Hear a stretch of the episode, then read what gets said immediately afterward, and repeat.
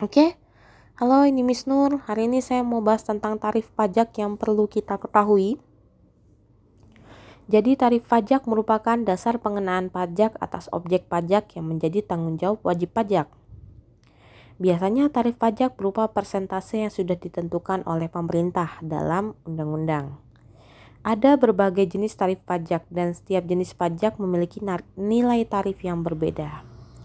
Setidaknya ada strukturnya, ada empat jenis.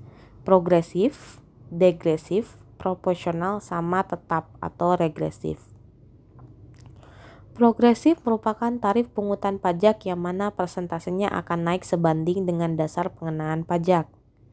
Di Indonesia sendiri, tarif pajak progresif diterapkan untuk pajak penghasilan wajib pajak orang pribadi seperti lapis lapisan penghasilan kena pajak PKP sampai uh, eh, 50 juta 5%. Terus kalau misalnya naik 50 sampai 250 juta jadi 15%. Terus kalau misalnya naik lagi penghasilan kena pajaknya 250 sampai 500 juta jadi 25%.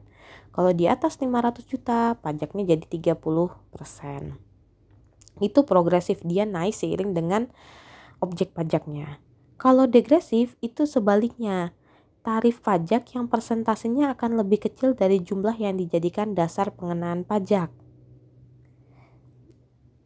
Atau persentase tarif pajak akan semakin rendah ketika dasar pengenaan pajaknya semakin meningkat.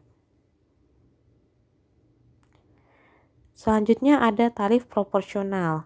Tarif yang persentasenya tetap meski terjadi perubahan terhadap dasar pengenaan pajak.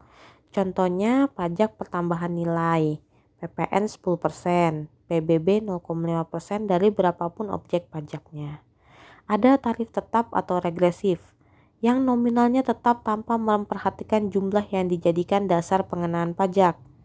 Tarif tetap juga dapat diartikan sebagai tarif pajak yang akan selalu tetap sesuai dengan peraturan. Contoh, bea matrai 3000 sama bea matrai 6000.